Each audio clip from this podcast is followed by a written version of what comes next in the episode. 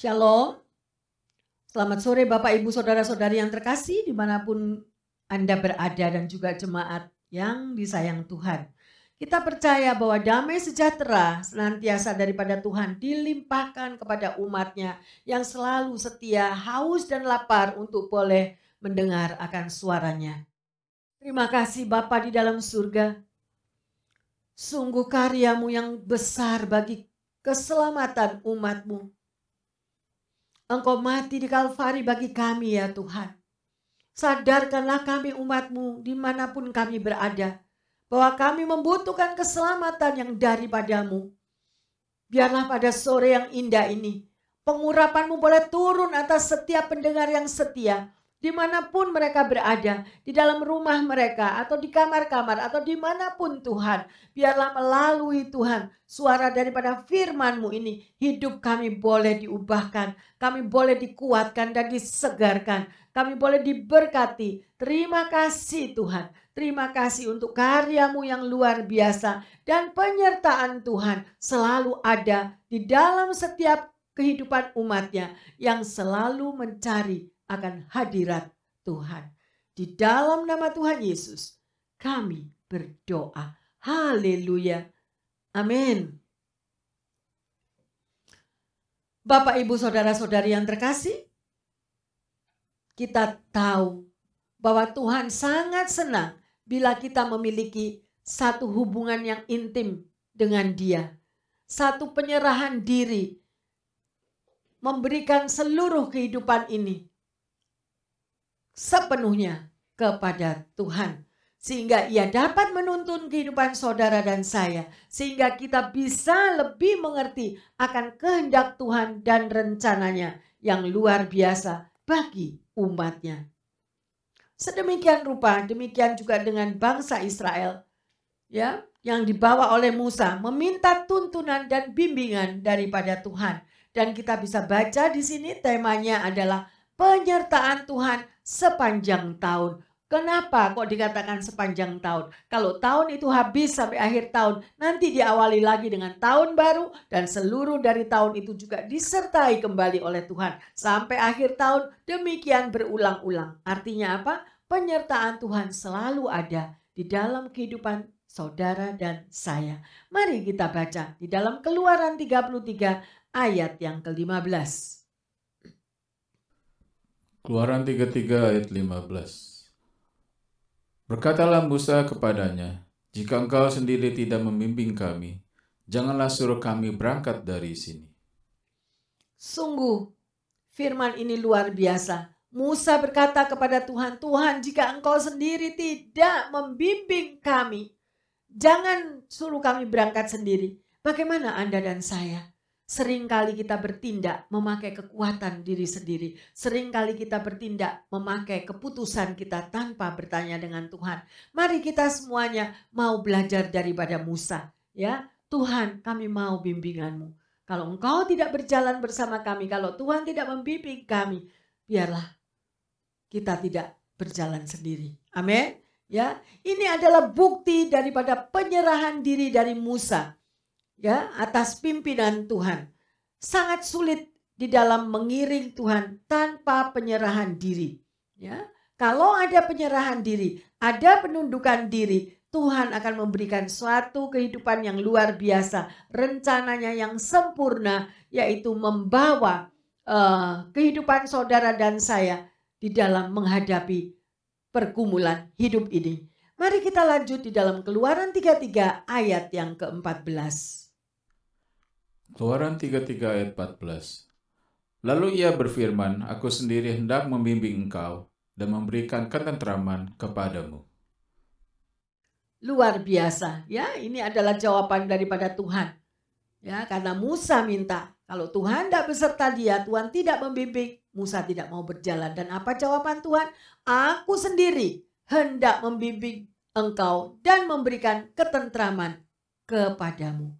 Di mana pun pendengar yang setia boleh membaca akan firman ini. Begitu indah janji Tuhan. Ya, kalau kita mau penyertaan Tuhan turun atas hidup kita, maka dengan sendirinya bahwa Tuhan yang akan membimbing saudara, membimbing keluarga saudara, membimbing sanak sanak keluarga kita. Ya, dan apa? Diberikan ketentraman. Dan ini merupakan satu pergumulan di akhir zaman ini. Karena banyak anak-anak Tuhan yang tidak lagi memikirkan. Bisa berjalan sendiri, bisa kuat sendiri, bisa membiayai hidup sendiri. Bahkan hidup di dalam glamurnya dunia sehingga tidak perlu Tuhan. Ya, mari kita mau belajar seperti apa yang firman katakan. Saat-saat yang sedemikian rupa bahwa teknologi semakin canggih yang membuat manusia cenderung mengandalkan kemampuannya sendiri, kepintarannya sendiri, kehebatannya dan kekuatan sendiri. Karena apa? Karena merasa bisa mengatasi persoalan hidup sendiri. Ya, jadi orang tidak lagi membutuhkan akan tuntunan hidup daripada Tuhan. Ya, dan kita bisa melihat orang yang menempuh jalannya sendiri tanpa mau melibatkan Tuhan di dalam hidupnya. Kita baca di dalam Amsal 14 ayat ke-12. Amsal 14 ayat 12. Ada jalan yang disangka orang lurus, tapi ujungnya menuju maut. Hmm. Siapa yang mengerti? Ya, merasa hidup wah luar biasa indahnya. Wah, bisnisku sukses, usahaku sukses semuanya studi sukses ya jadi tidak perlu tidak pernah melibatkan Tuhan. Tapi firman di sini mengatakan ada jalan yang disangka orang itu lurus tetapi ujungnya menuju kepada maut. Oleh karena itu firman Tuhan sudah mengatakan mengingatkan kita semuanya berhati-hatilah di dalam menempuh perjalanan hidup ya. Dan kita lihat di dalam Amsal 19 ayat yang ke-21 Amsal 19 ayat 21 Banyaklah rancangan di hati manusia, tetapi keputusan Tuhanlah yang terlaksana. Nah, jelas sekali banyak rancangan daripada manusia, tetapi apa yang dikatakan Tuhanlah yang memutuskan. Ya, sedemikian rupa. Mari sebagai anak Tuhan, tunduklah dan libatkan Tuhan di dalam segala perjalanan hidup kita. Ya, karena dirasa jalan yang ditunjukkan Saudara akan dibawa oleh Tuhan ke mana pun yang Tuhan mau, bukan daripada apa yang kita mau. Ya, karena tujuannya Tuhan itu untuk menyelamatkan. Kita tidak tahu jalan yang kita tempuh itu akan membawa keselamatan atau tidak. Ya, banyak ranjau di tengah jalan, banyak ranjau di tengah pergumulan hidup yang saudara dan saya tidak pernah tahu. Ya, ketika Musa berserah dan tunduk kepada pimpinan Tuhan, maka Tuhan menepati janjinya. Bahkan ia memperlihatkan dirinya secara khusus kepada Musa di dalam setiap perjalanannya. Ya, di mana bangsa Israel harus menempuh, ya, harus berjalan sedemikian rupa. Tapi kita bisa melihat bagaimana tiang awan dan tiang api tetap melindungi, ya, berjalan bersama-sama Musa dan orang-orang Israel. Ada sebuah cerita, ya, dan ini adalah kesaksian daripada Mandy Harvey.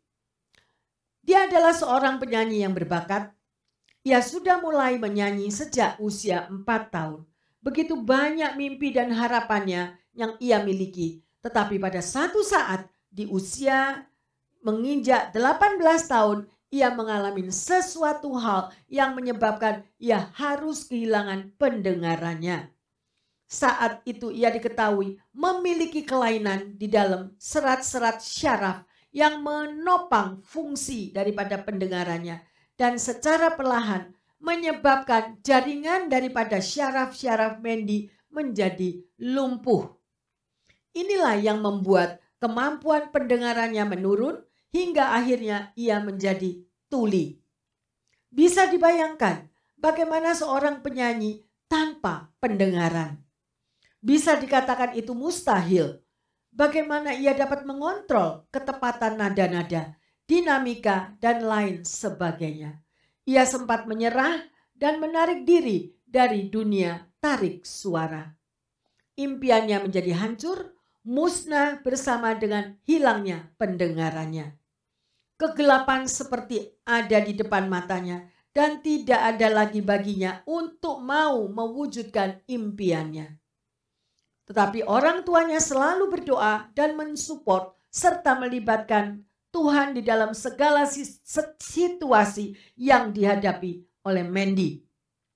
percaya bahwa penyertaan Tuhan itu nyata di dalam kehidupan anak-anaknya. Dan hal itulah yang membuat Mandy akhirnya memutuskan untuk dia bisa bangkit kembali dan tidak pernah menyerah lagi. Ia mencoba membangun kembali dan berjuang di atas keadaannya. Sungguh perjuangan yang tidak mudah.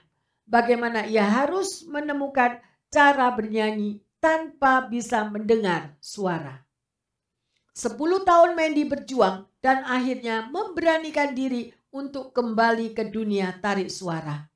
Dan sungguh ajaib, ia memenangkan hati para juri di Amerika Idol, ya, di Amerika sorry, di Amerika Got Talent, ya, dan yang juga mempersembahkan pujian bagi Tuhan. Bersama Isaac Larson dalam lagu No Longer Slave. Sungguh lagu yang sangat memberkati banyak orang.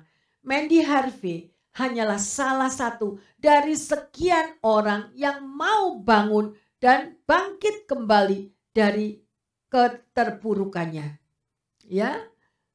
Sebab bagi Tuhan tidak ada yang mustahil. Adakah penyertaan Tuhan di dalam kehidupan saudara? Mari kita mau mengoreksi diri. Saya tidak tahu keberadaan masing-masing di mana pun pendengar setia berada. Tetapi percayalah bahwa Tuhan yang saudara dan saya sembah dia adalah Tuhan yang hidup. Dia Tuhan yang bisa berbicara. Dia Tuhan yang bisa berkata-kata kepada Anda. Jalinlah satu hubungan yang intim dengan Tuhan. Maka dia sungguh-sungguh Tuhan sungguh-sungguh mengasihi dan akan memberikan bimbingannya, memberikan suaranya, memberikan uh, guidance-nya sehingga kita tidak salah untuk melangkah. Amin. Jadi sekali lagi melalui hubungan intim melalui manusia rohani kita dibangkitkan dan dikuatkan, maka penyertaan Tuhan sangat nyata di dalam hidup saudara dan saya. Ya, dan itu adalah kunci daripada kehidupan kita di dalam mengarungi hidup di dunia. Bangkitlah senantiasa sebab kita tidak bisa membangun diri kita kalau kita selalu mau tertidur kalau kita lemah lunglai, kalau kita putus asa, kalau kita selalu berpikiran negatif, sudah menyerah total karena kita melibatkan diri sendiri, tidak melibatkan kuasa Tuhan yang ajaib. Amin. Sedemikian juga di kesempatan yang indah ini, ya.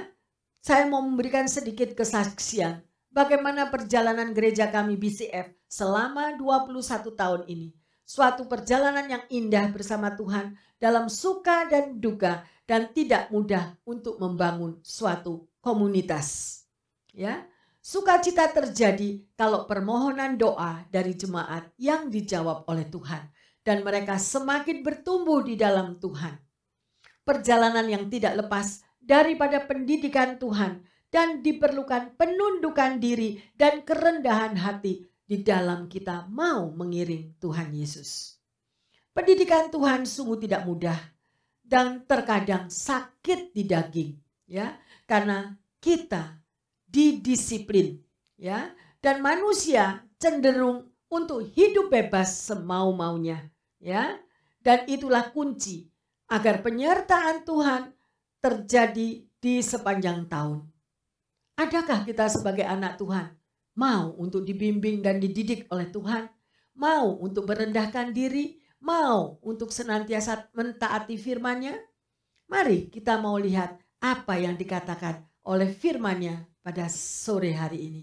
Kita baca di Ulangan 11 ayat yang ke-12. Ulangan 11 ayat 12. Suatu negeri yang dipelihara oleh Tuhan Alamu, mata Tuhan Alamu tetap mengawasinya dari awal sampai akhir tahun. Amin. Jelas saudara? Ya, firman Tuhan itu berkata-kata untuk Anda di mana pun Anda berada. Ya, bahwa mata Tuhan Allahmu tetap mengawasi dan dari awal sampai akhir tahun. Berarti Tuhan Yesus itu tahu apa yang akan terjadi di dalam hidup Anda. Tetapi masih ada pertanyaan. Saya tidak merasakan apa-apa. Saya mengalami kekosongan hati, Ya, mengapa? Karena kita tidak memiliki hubungan intim. Kita tidak memiliki hubungan secara sedemikian melekat dekat kepada Tuhan. Ya, oleh karena itu mari kita mau memperbaiki diri kita. Milikilah hubungan yang akrab dengan Tuhan. Ya, karena Tuhan sudah menjanjikan rahmatnya yang selalu baru setiap pagi. Ya, ratapan 3 22 sampai 23. Ratapan 3 ayat 22 dan sampai 23. Tak berkesudahan kasih setia Tuhan, tak habis-habisnya rahmatnya. Selalu baru tiap pagi, besar kesetiaanmu. Amin. Kalau pendengar yang setia membaca daripada firman ini, dikatakan kasih setia Tuhan itu tidak pernah habis. Ya, kasihnya kepada Anda dan saya ya selalu baru tiap pagi, besar kesetiaan Tuhan. Pertanyaan saya, kalau Anda bangun pagi, apa yang pertama kali buka mata yang Anda dan saya lakukan? Apakah pada waktu kita buka mata, kita langsung mengucap syukur kepada Tuhan? Berterima kasih atas penyertaannya? Ya, karena Tuhan selalu mencurahkan kasihnya, rahmatnya, dan selalu baru. Karena Tuhan itu setia, setiap hari dia lakukan. Mengapa kita tidak melakukan demikian? kepada Tuhan sebagai pengucapan syukur. Terima kasih Tuhan untuk hari yang baru, untuk kesehatan yang baik, untuk hidup bahagia setiap hari bersama Tuhan. Ya, mari kita mulai membangun hubungan yang intim dengan Tuhan. Pada tanggal 7 Oktober yang lalu, pada waktu saya bangun pagi-pagi, saya menyambut datangnya Fajar dengan bersuka cita karena saya tahu bahwa pada hari itu BCF sudah melampaui 21 tahun berdiri bersama penyertaan Tuhan. Amin. Dan saya mengucap syukur ya, Yesus selalu ada, Yesus selalu menggandeng tangan, Yesus selalu membimbing sedemikian rupa. Dan itu saya bersyukur dan bersyukur bahwa penyertaan Tuhan itu sungguh nyata dan sungguh ada. Kasihnya yang besar. Ya, selain ayat daripada ratapan itu tadi, ya. Ada sebuah janji yang lain yang Tuhan selalu berikan, ya. Demikian pada waktu di zaman Musa. Dan hari ini kita juga melihat bagaimana janji Tuhan tersebut. Semoga itu bisa memperkuat langkah kaki kita, ya, langkah iman kita di dalam memasuki hari-hari menuju BCF yang ke-22, ya. Saya mau serahkan semuanya itu di dalam tangan pemeliharaan dan bimbingan Tuhan. Jadi, pada masa ketika Musa memimpin bangsa Israel keluar dari Mesir untuk masuk kepada satu tanah yang dijanjikan, bangsa Israel sebenarnya sudah mengalami begitu banyak penyertaan Tuhan sepanjang perjalanan mereka. Ya, kita tahu dan kita sudah membacanya ya Demikian rupa yang sangat indah. Bagaimana mulai dari tiang awan dan tiang api selalu menghangatkan pada waktu musim dingin dan selalu memayungi mereka di saat mereka mengalami kepanasan. Mari kita baca di Keluaran 13 ayat 21 dan 22. Keluaran 13 ayat 21 sampai 22. Tuhan berjalan di depan mereka pada siang hari dalam tiang awan untuk menuntun mereka di jalan dan pada waktu malam dalam tiang api untuk menerangi mereka, sehingga mereka dapat berjalan siang dan malam. Dengan tidak beralih tiang awan itu, tetap ada pada siang hari dan tiang api pada waktu malam di depan bangsa itu. Luar biasa. Ya, kalau saudara mau membaca dan rajin membaca firman Tuhan, banyak sekali cerita, banyak sekali janji-janji Tuhan dan apa yang Tuhan sudah perbuat di dalam kehidupan ya yang dialami oleh Musa dan bangsa Israel tetapi lebih juga daripada cerita-cerita yang lain daripada nabi-nabi yang lain. Ya semuanya itu membuktikan bahwa Yesus ada dan hidup. Ya sedemikian rupa sampai mujizat yang besar kita pun tahu bahwa Tuhan membelah laut Teberau sehingga mereka bisa berjalan melewati laut sementara Firaun dan tentaranya habis tersapu bersih. Ya sedemikian rupa sedemikian apa yang saudara dan saya saat ini alami badai pergumulan apa ya segala persoalan-persoalan yang ada di hadapan kita merupakan kabut Yang sedemikian sehingga kita tidak tahu keputusan apa yang harus diambil karena pikiran kita begitu penuh semrawut, tidak tahu jalan mana yang harus kita ambil. Bersyukurlah, ketahuilah bahwa Anda dan saya mempunyai Yesus yang hidup. Dia mampu memberikan jalan keluar. Kalau Musa diberikan jalan keluar, laut teberau bisa terbelah. Demikian juga persoalan saudara dan saya selalu ada jalan keluar di dalam Tuhan. Amin. Ya, luar biasa. Dengan demikian bangsa Israel sudah mengalami berbagai banyak mujizat, ya. Apakah bangsa ini menjadi teguh imannya dan bisa percaya kepada Tuhan sepenuhnya? Ya. Sayangnya tidak. Di sini kita melihat dasar bangsa yang keras kepala, ya, dan tidak tahu berterima kasih. Mereka terus berulang-ulang menunjukkan sikap buruk mereka, baik lewat keluh kesah, bahkan menyembah ilah-ilah yang lain, hingga beberapa generasi selanjutnya. Kembali perjalanan menuju tanah Kanaan, Musa sudah mengingatkan mereka bahwa mereka harus sadar bahwa mata mereka sendiri sebetulnya sudah menyaksikan segala perbuatan yang besar daripada Tuhan. Mari kita lanjut membaca di dalam ulangan 11 ayat 2 sampai 6. Ulangan 11 ayat 2 sampai 6. Kamu tahu sekarang kukatakan bukan kepada anak-anakmu yang tidak mengenal dan tidak melihat hajaran Tuhan, Alamu, kebesarannya, tangannya yang kuat dan lengannya yang terancung. Tanda-tanda dan perbuatan-perbuatan yang dilakukannya di Mesir terhadap Firaun, Raja Mesir, dan terhadap seluruh negerinya. Juga ada yang dilakukannya terhadap pasukan Mesir dengan kuda-kudanya dan kereta-keretanya, yang ini bagaimana ia membuat air laut Tabrau meluat meliputi mereka ketika mereka mengejar kamu sehingga Tuhan membinasakan mereka untuk selamanya. Dan apa yang dilakukannya terhadapmu di padang gurun sampai kamu tiba di tempat ini. Pula apa yang dilakukannya terhadap Datan dan Abri, Abriam, anak-anak Eliab, anak Ruben yang ini, ketika tanah menggandengkan. Mulutnya dan menelannya, mereka dengan seisi rumahnya dan kemah-kemah dan segala yang mengikuti mereka di tengah-tengah seluruh orang Israel. Sedemikian rupa ya, kita bisa melihat bahwa orang Israel itu sudah mengalami begitu banyak ya kuasa Tuhan yang terjadi. Dan kita mau lanjut Bagaimana di ulangan 11 ayat yang ketujuh? Ulangan 11 ayat 7.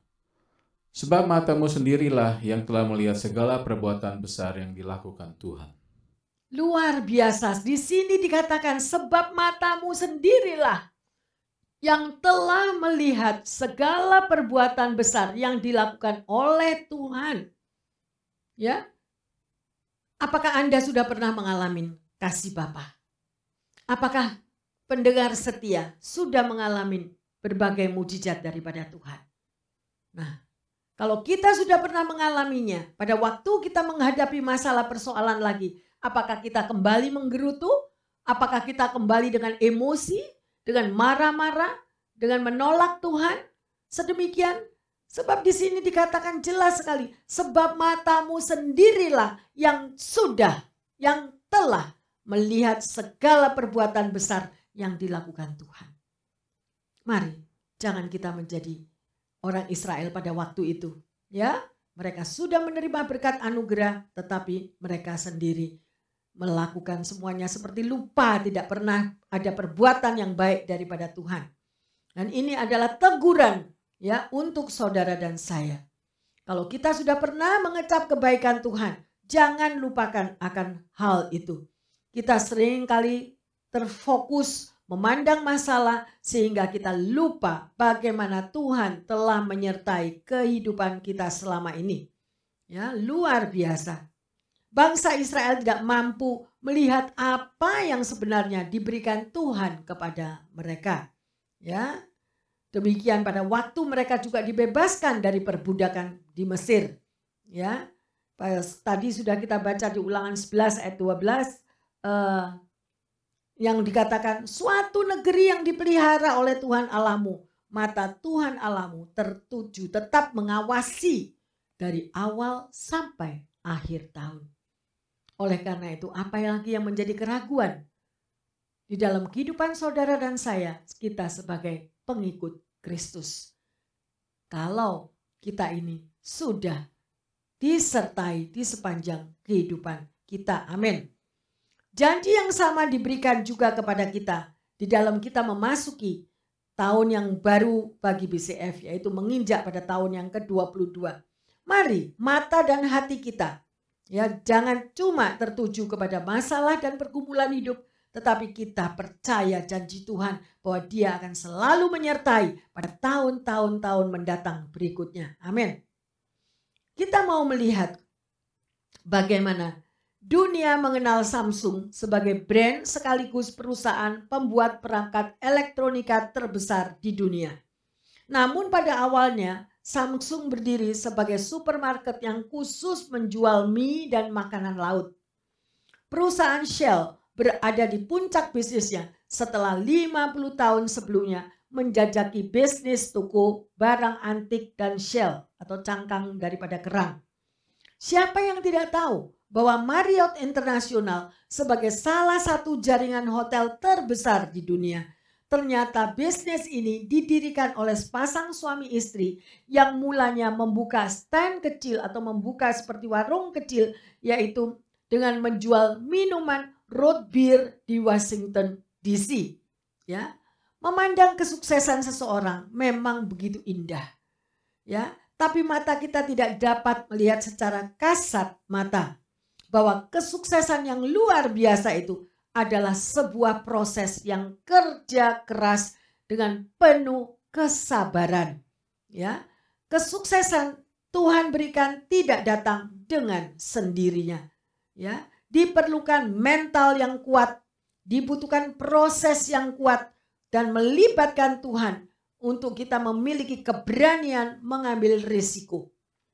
Peka terhadap peluang tidak setengah-setengah di dalam mengerjakan sesuatu, memiliki mindset yang positif, dan tidak takut kepada kegagalan. Ingatlah, ketika kita mengerjakan bagian kita dengan sekuat tenaga dan menjalani setiap proses dengan kerja keras dan kesabaran tanpa mengabaikan Tuhan di dalam segala perkara, niscaya penyertaan Tuhan pasti akan menjadikan kita berhasil pada waktunya. Tapi sering kali kita patah semangat, sering kali kita tidak sabar, sering kali kita uring-uringan di dalam proses pembentukan daripada Tuhan. Ya, sungguh luar biasa. Mungkin sebagai pendengar di mana pun Anda berada memiliki ketakutan dan kekhawatiran untuk masa depan. Ya, tetapi kalau kita melihat peristiwa-peristiwa yang lalu, di mana Tuhan selalu menyertai hidup saudara dan saya, dan tidak pernah kita ditinggalkan, kita tidak perlu takut dan khawatir. Itu adalah janji Tuhan. Ya, seperti Tuhan mengawasi negeri dan umatnya dahulu, seperti itu juga Tuhan akan menyertai hidup kita semuanya. Sebentar kita akan menyelesaikan tahun 2021 Ya, tinggal berapa hari lagi dan muncullah kita akan memasuki tahun 2022. Pertanyaan saya, apakah saudara melibatkan Tuhan? Bereskanlah apa yang belum beres di tahun 2021 ini. Kalau engkau mampu membereskan masalahmu di tahun 2021, engkau akan berlapang dada memasuki tahun 2022 bersama dengan Tuhan. Jangan membawa dosa memasuki tahun 2022. Mungkin pertanyaannya bagaimana pastor? Karena tiap hari buat dosa. Ayo kita kurangi dosa dengan melibatkan Tuhan di dalam hidup kita. Ada amin? Memang kita orang yang lemah.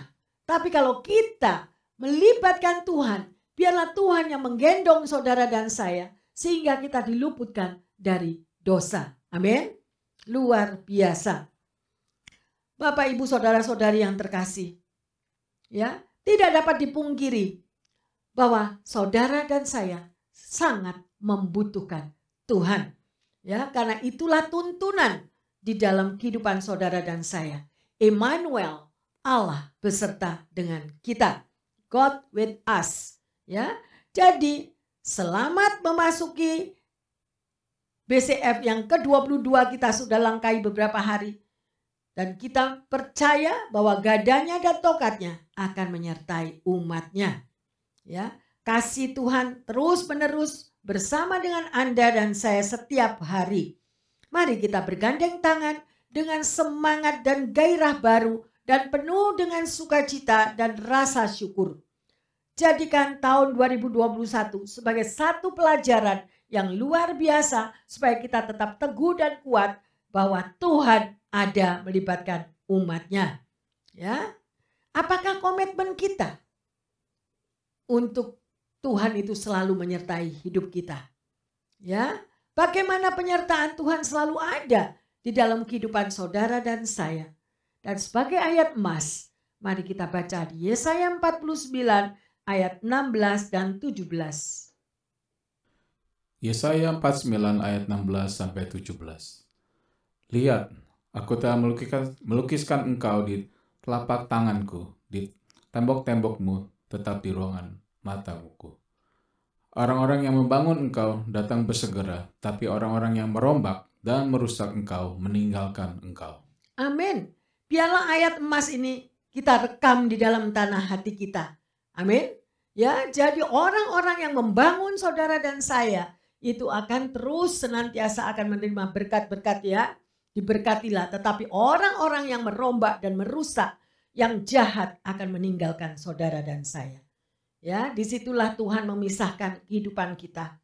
Oleh karena itu, mari kita mau mengurangi dosa dan selalu melekat kepada Tuhan. Amin.